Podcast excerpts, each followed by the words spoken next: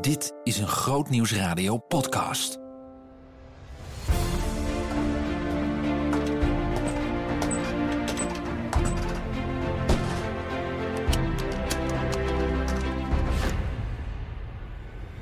Er staat een politieagent langs de weg met zijn handen omhoog en we moesten stoppen. Dus eh, we kregen de schrik van ons leven. Hij vroeg of hij mee mocht rijden. Hij was aan het liften.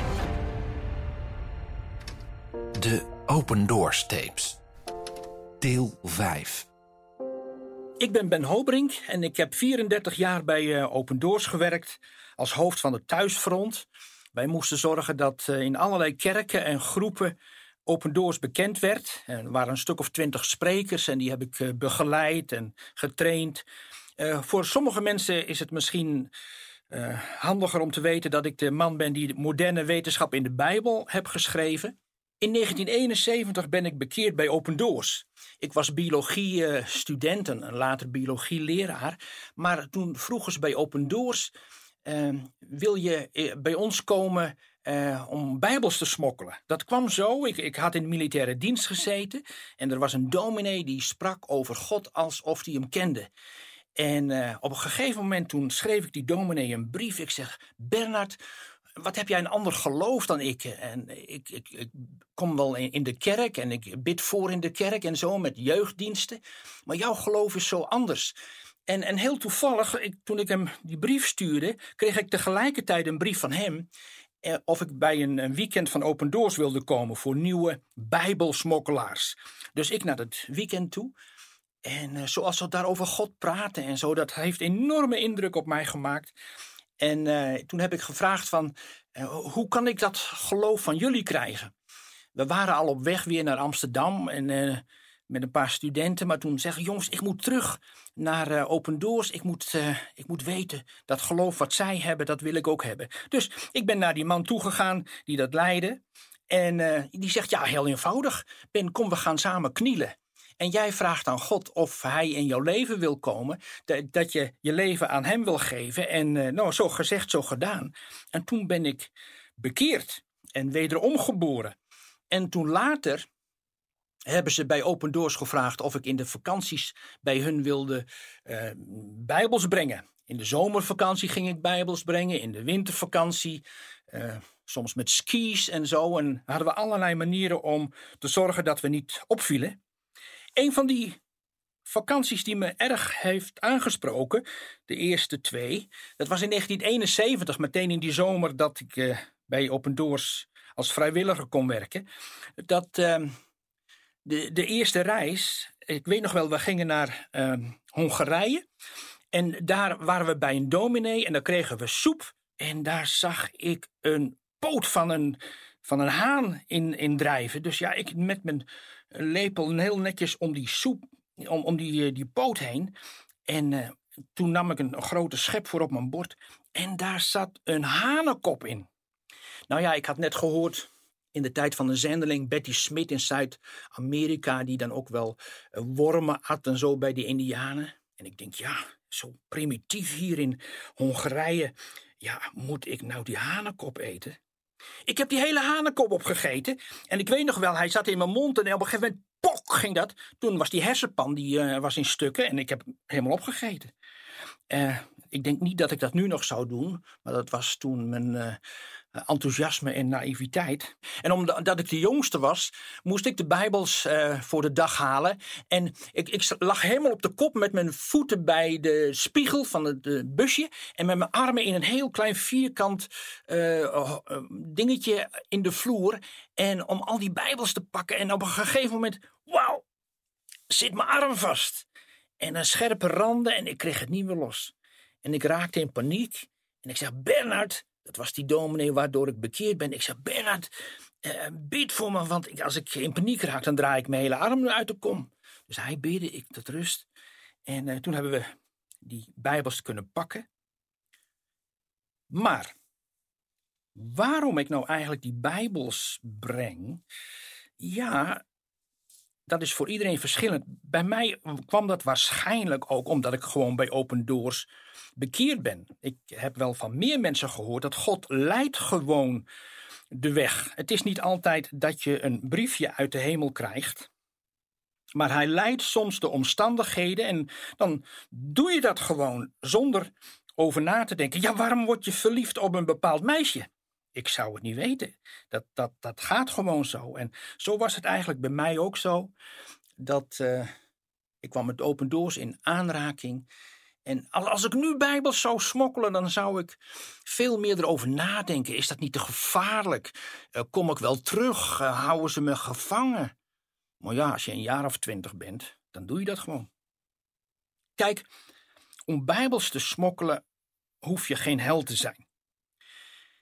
Want meestal doen ze je niks. Het ergste, kan ik me herinneren, dat bij een bepaalde organisatie was een echtpaar die hebben elf maanden gevangenisstraf gekregen een kameraad van mij die is uh, een beetje in elkaar geslagen door de Roemeense politie. Maar verder gebeurt er niet zoveel. Maar als je daar woont en je ontvangt die Bijbels, dan moet je wel een held zijn. Want dat kan dan jou maanden of jaren gevangenisstraf kosten. Kijk, in het algemeen, zwijgende christenen, die hebben geen probleem. Dat is ook hier in Nederland als je maar niet over je geloof praat, dan kun je met iedereen goed overweg, geen probleem. En dat is in die ah, vroegere communistische landen nog erger. Maar als je actief bent, ja, kijk, dan kun je geen leidinggevende baan krijgen. Misschien ben je arts, maar ja, dan mag je alleen het werk doen van verpleger. Of misschien ben je hoog opgeleid en zou je leraar kunnen worden. En dan moet je straatveger worden. En niet iedereen komt daar in de gevangenis, maar je hebt wel consequenties dat je niet het werk kunt doen wat je wil. Ik weet van mensen die hebben een maandsalaris voor hun Bijbel over. Nou, stel voor hier in Nederland 2000 euro voor een Bijbel. Of ik weet van in Rusland een weduwe, die had maar één koe die ze dan dagelijks uitliet. En eh, die heeft die koe verkocht omdat ze daar een Bijbel voor kon krijgen. Mensen hebben er alles voor over. Wat een, een broeder tegen me zei, die zei: Ik zit liever met een Bijbel in de gevangenis dan zonder Bijbel erbuiten. Kijk, en als je met dat soort mensen in aanraking komt, dan gaat je geloof toch wel veranderen. Dan ga je er anders over nadenken. En dan denk je: Heb ik er zoveel voor over? Zou ik zoveel over hebben om God te volgen. Of wat een andere broeder ook, ook zei, was heel interessant. Die zegt van de, de, de, de, de geheime politie kwam naar hem toe, de KGB in Rusland. En die zegt: Als jullie niet doen wat wij zeggen, dan kom je in de gevangenis. En die broeder die zegt: Ja, maar als ik niet doe wat God zegt, dan kom ik in de hel. Hij zegt: Nou, ik zit liever een paar jaar bij jullie in de gevangenis dan mijn leven lang in de hel. Dus hij ging gewoon door met zijn werk.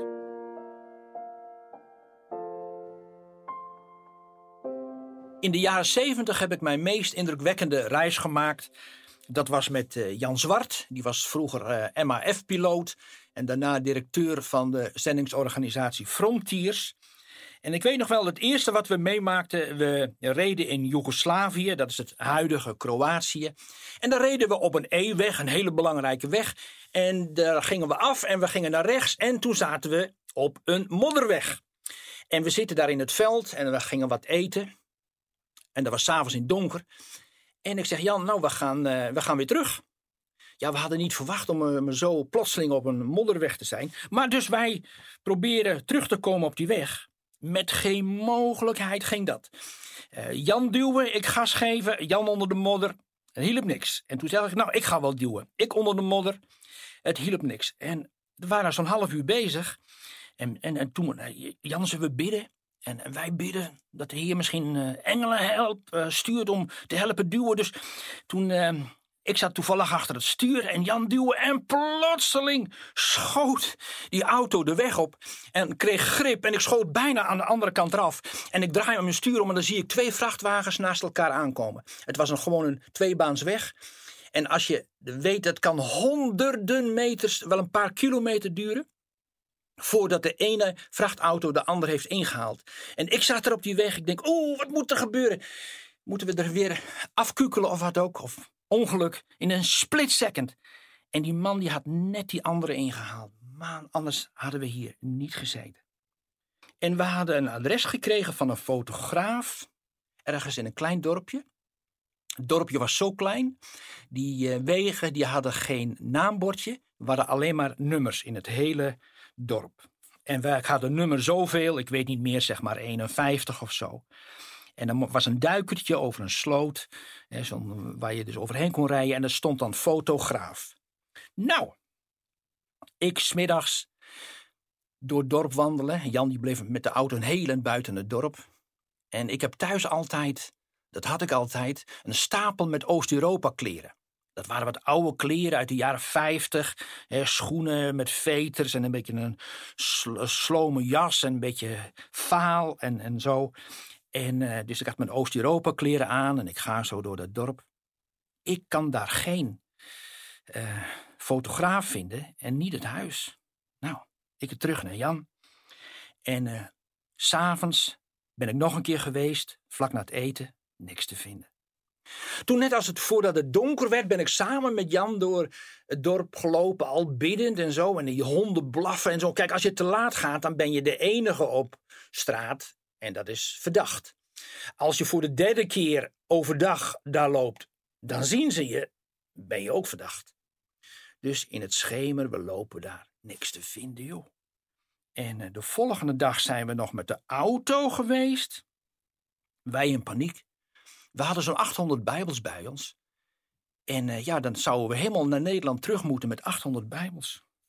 Dus wij bieden, joh, dat op zo'n weiland, zo'n Pushta heet dat, daar uh, zo'n uh, braakliggend stuk land. Wij bidden uren, bidden. Ik, ik denk dat ik nooit zo ingespannen, geconcentreerd heb gebeden. En plotseling, toen zag ik het. Ik denk, hey, prijs de Heer. Toen zag ik een oude paal ergens staan in een dorp, in dat dorp, met een oud verroest nummer erop. Nou, ik wist niet waar die paal stond, maar ik denk dat is het. Dus die, we moeten die paal zoeken. Dus de volgende dag toen hebben we die paal gezocht. En wat was het nou? Daar waren nieuwe huizen gebouwd daar in de buurt bij die paal. Dus als ik nou er zijn de nieuwe huizen en er was een nieuwe huisnummers. Dus als ik nou die nieuwe huisnummers en daar het oude verroeste nummer op die paal van aftrek. En dan alle uh, nieuw gebouwde huizen tel. Ja, het is moeilijk uit te leggen. Maar toen hadden we het. Toen waren we bij die uh, fotograaf. Dat was echt een wonder dat de heer dat zo rechtstreeks liet zien. Want ik had er nooit aan gedacht. Maar ik zag maar zo die paal ergens staan. Opgezocht. En uh, we vonden die man. En die heeft die Bijbels in ontvangst genomen. En die had het verstopt in zijn ganzenhok. Dat is de beste plek waar je ooit Bijbels kunt verstoppen. Want die ganzen zijn levensgevaarlijk als je daar maar zo in komt. En uh, hij had daar een gat onder gemaakt. En dat deed hij al jaren, zo ontving hij Bijbels. Geweldige reis met Jan Zwart. Kijk, dat was een, een spannend, wonderlijke reis. Maar je hebt ook gewoon leuke reizen. Hè? We, we gingen naar Polen. Ja, kijk, normaal hebben we de Bijbels altijd verstopt, ingepakt. Hè? Maar we hadden de Bijbels al voor de dag gebracht. En, uh, en we zouden dat naar iemand brengen, daar in de buurt. En er staat een politieagent langs de weg met zijn handen omhoog. En we moesten stoppen. Dus uh, we kregen de schrik van ons leven. En uh, hij zag stoppen en hij vroeg of hij mee mocht rijden. Hij was aan het liften. Ja, nou, we hadden niet veel plek, dus wij schuiven die dozen met bijbels aan de kant. En dan moest hij maar zo tussen zitten en had zo zijn handen op die dozen. En zo hebben we de beste man gebracht waar hij wilde, wilde komen. Zulke reizen heb je ook.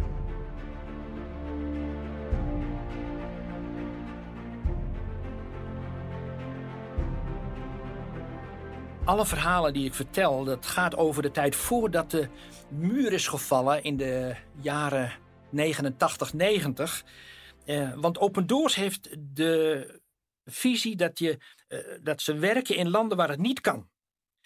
Uh, zo gauw er wel gewerkt kan worden, dan kunnen andere mensen dat doen. Net zoals nu en in de afgelopen jaren erg veel kerken in Roemenië hebben gewerkt. Wij helemaal niet meer. Na de val van de muur komen we daar niet meer. Andere mensen kunnen dat doen. Nu gaan we veel meer naar eh, India of uh, Noord-Korea of de moslimwereld. Alleen eigenlijk waar het niet kan. Dus ook al mijn verhalen gaan daarover. Eén was in, uh, ook dus in de jaren tachtig, voordat de muur viel, was in Roemenië. We noemden dat project S. S van stiekem. Dat was een heel stiekem project waar niemand van Open Doors vanaf wist. Geen enkele van de medewerkers of de secretaresses of wat ook. Dat er kwam s'nachts in het donker, kwam er dan een grote truc met oplegger in de garage van Open Doors. En daar werden dan zo'n 3000 Bijbels onder in die oplegger uh, verstopt. En daarna was er gewoon handel tussen Nederland en Roemenië. Soms met glas of soms met meubels of wat ook. Uh, er werd heen en weer gereden voor de handel, maar er zaten dan wel 3000 Bijbels. En dan gingen wij, en in dit geval ik met een kameraad, we gingen met een Volkswagenbusje naar Roemenië over de grens. Nou, dat ging allemaal heel makkelijk, want er zat dan toch niks in. En uh, dan zouden we ergens bij een uh, parkeerplaats, een donkere parkeerplaats die zorgvuldig was uitgezocht, daar zouden we de Bijbels overpakken. Dus we gaan daar staan en uh, de chauffeur met die 3000 Bijbels, die stond er al, wij er dichtbij. Eentje op de uitkijk. En er werden al die 3000 Bijbels werden overgepakt. Dat was in blokken van, van 10 kilo. Maar 3000 Bijbels, dat is echt een Volkswagen busje helemaal vol tot 30 centimeter onder het dak. En wij moesten die nacht nog slapen. Dus we hebben echt met onze neus tegen het dak aangeslapen. En de rest van de uh, bus zat helemaal vol. En die zou dan de volgende dag overgepakt worden in vier personenwagens. Ook dan hemel tot de nok toe vol. Dus die avond zijn we ergens bij een bos, bij Boekarest, de hoofdstad van Roemenië. En dan zijn we bezig, wij met z'n tweeën en een stuk of vier Roemenen, Roemeense christenen. En we zijn daar in het donker bezig en plotseling komen er grote lichten op ons afschijnen. En dan komen uh, trucks, legertrucs komen eraan, overvalwagens, een, stuk of wat. En uh, we denken, oh, daar gaat onze vrijheid. En mijn kameraad en ik, ik zeg, spring! We, we doken tussen de mais en daar bleven we liggen. En ik zag zo de hele wereld aan me voorbij trekken. Ik denk, ik zie mijn vrouw en kinderen jarenlang niet meer.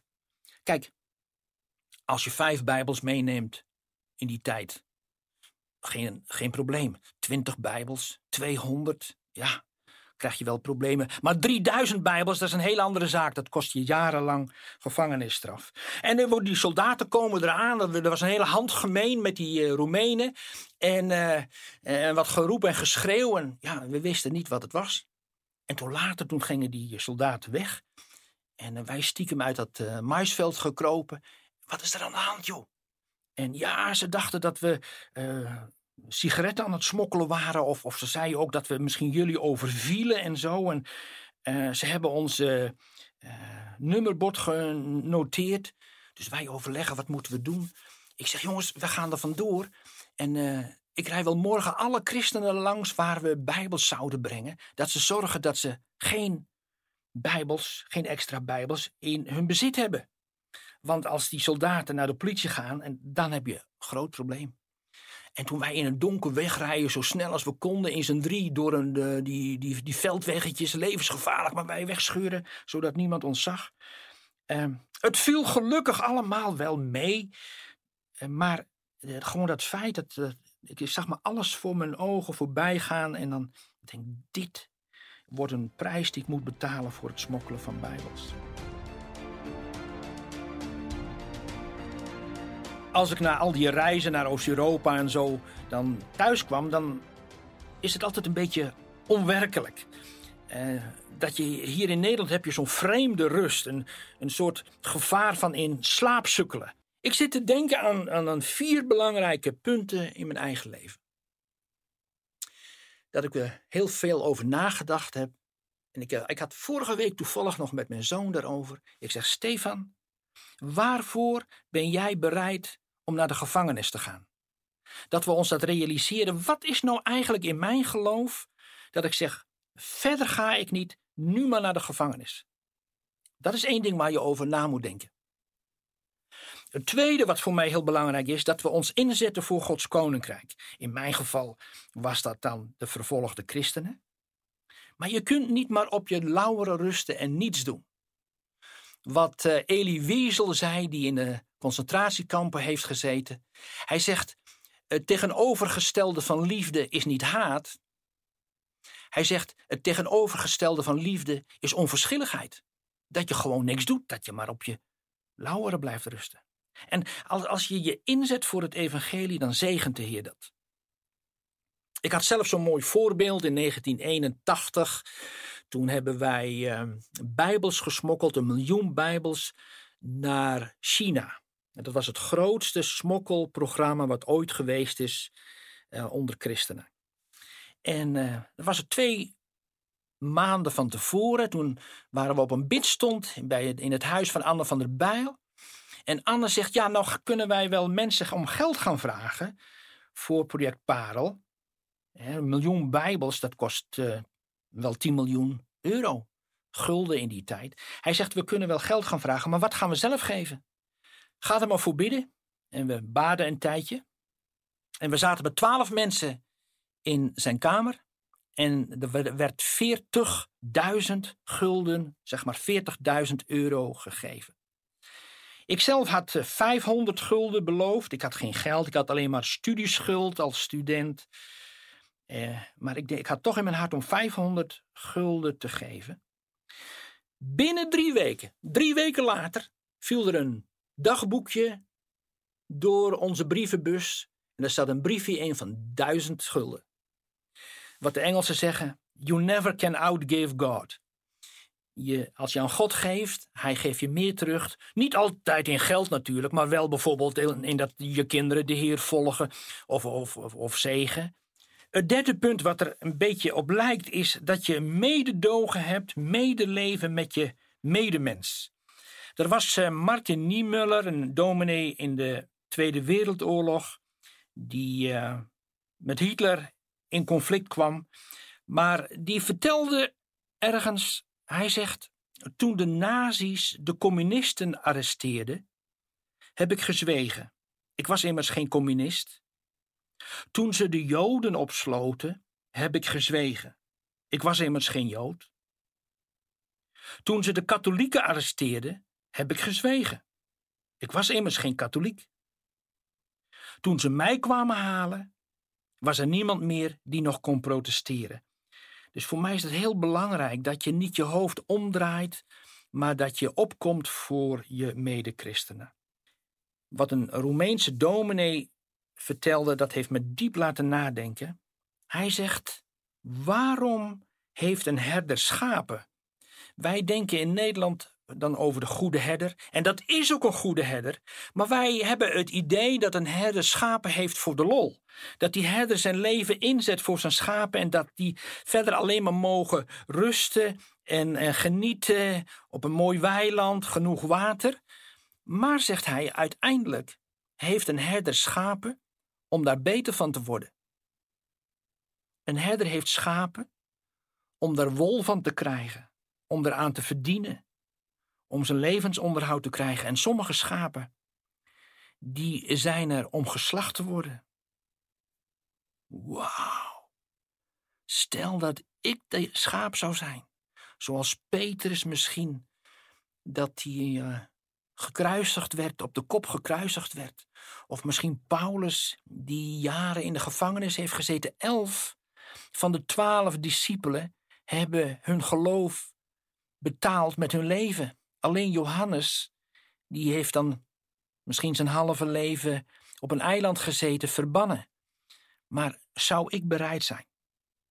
En dat is het punt voor mij, is ook een motivatie om die Bijbels te brengen. Een motivatie van wat deze mensen mij hebben gedaan in mijn leven. Als je dan met Ellen Yuan praat in China, die 23 jaar voor zijn geloof in de gevangenis heeft gezeten.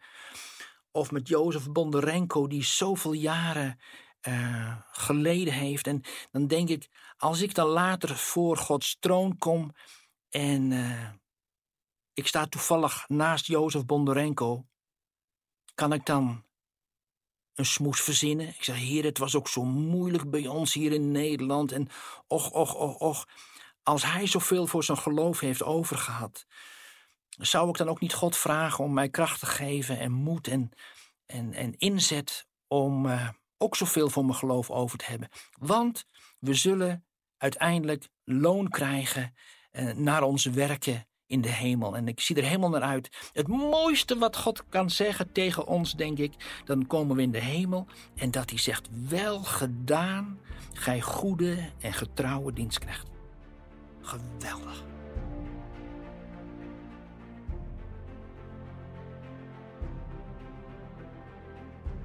Als ik nou terugkijk op mijn leven, dan moet ik aan een paar dingen denken. Ik had natuurlijk ook biologieleraar kunnen blijven. Maar mensen vragen dan: wat heeft God dan in jouw leven geleid? Dat kun je soms niet zeggen. Je doet gewoon wat in je hart is. Je wilt God volgen en dan gaat God het leiden.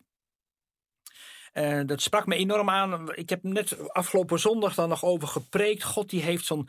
Er staat in, in de Bijbel. Uw stok en uw staf die vertroosten mij. In Psalm 23. En er zijn situaties dat je. Je wilt God volgen, maar je weet niet wat je doen moet. Soms dan verdwaal je. Dan is er altijd een stok waar God een steentje mee gooit naar jou om je weer terug te brengen. Of als je in een uh, ravijn stort of je bent de weg kwijt, dan heeft hij een soort stok met een haker aan. En dan die speciaal om jou bij je nek te pakken en weer terug te brengen bij de herder. En dus ook God leidt ons zo in ons leven. Je hebt niet altijd een papiertje, bijna nooit trouwens, een papiertje uit de hemel, maar hij leidt je door omstandigheden. En dan, ik, ik denk eens niet dat ik anders had kunnen uh, kiezen. Het, het, het groeide gewoon. En, en, dan vragen mensen, ja, wat heeft het je gekost? Nou, ik moet zeggen dat het heeft het meest aan mijn vrouw gekost. Uh, die zat avond aan avond alleen in al die spreekbeurten die ik heb gedaan. Onze kinderen die zijn eigenlijk alleen door haar opgevoed. Uh, ze volgen allemaal min of meer de Heer. Uh, ja, dus aan haar te danken. Um, ja, het heeft haar gekost. Mensen zeggen ook van, ja, maar nu, het communisme is er toch niet meer en uh, hoe gaat het nu met de christenen op de wereld? Ja, er zijn nog nooit zoveel vervolgde christenen geweest als in deze tijd.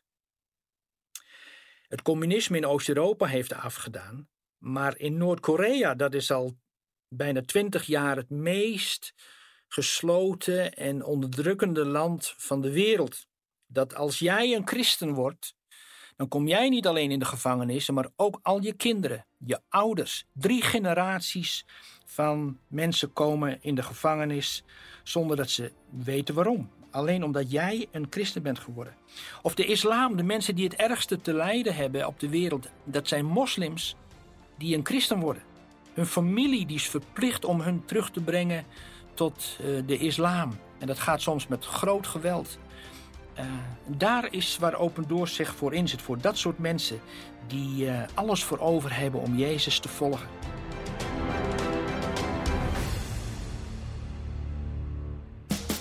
Behoefte aan meer? Grootnieuwsradio.nl slash podcast. Ik ben Klaas Muurling van Open Doors. Wil je meer verhalen over de vervolgde kerk horen? Kom dan naar het nieuwe Open Doors bezoekerscentrum in Ermelo. Meer informatie? Ga naar opendoors.nl/bezoekerscentrum.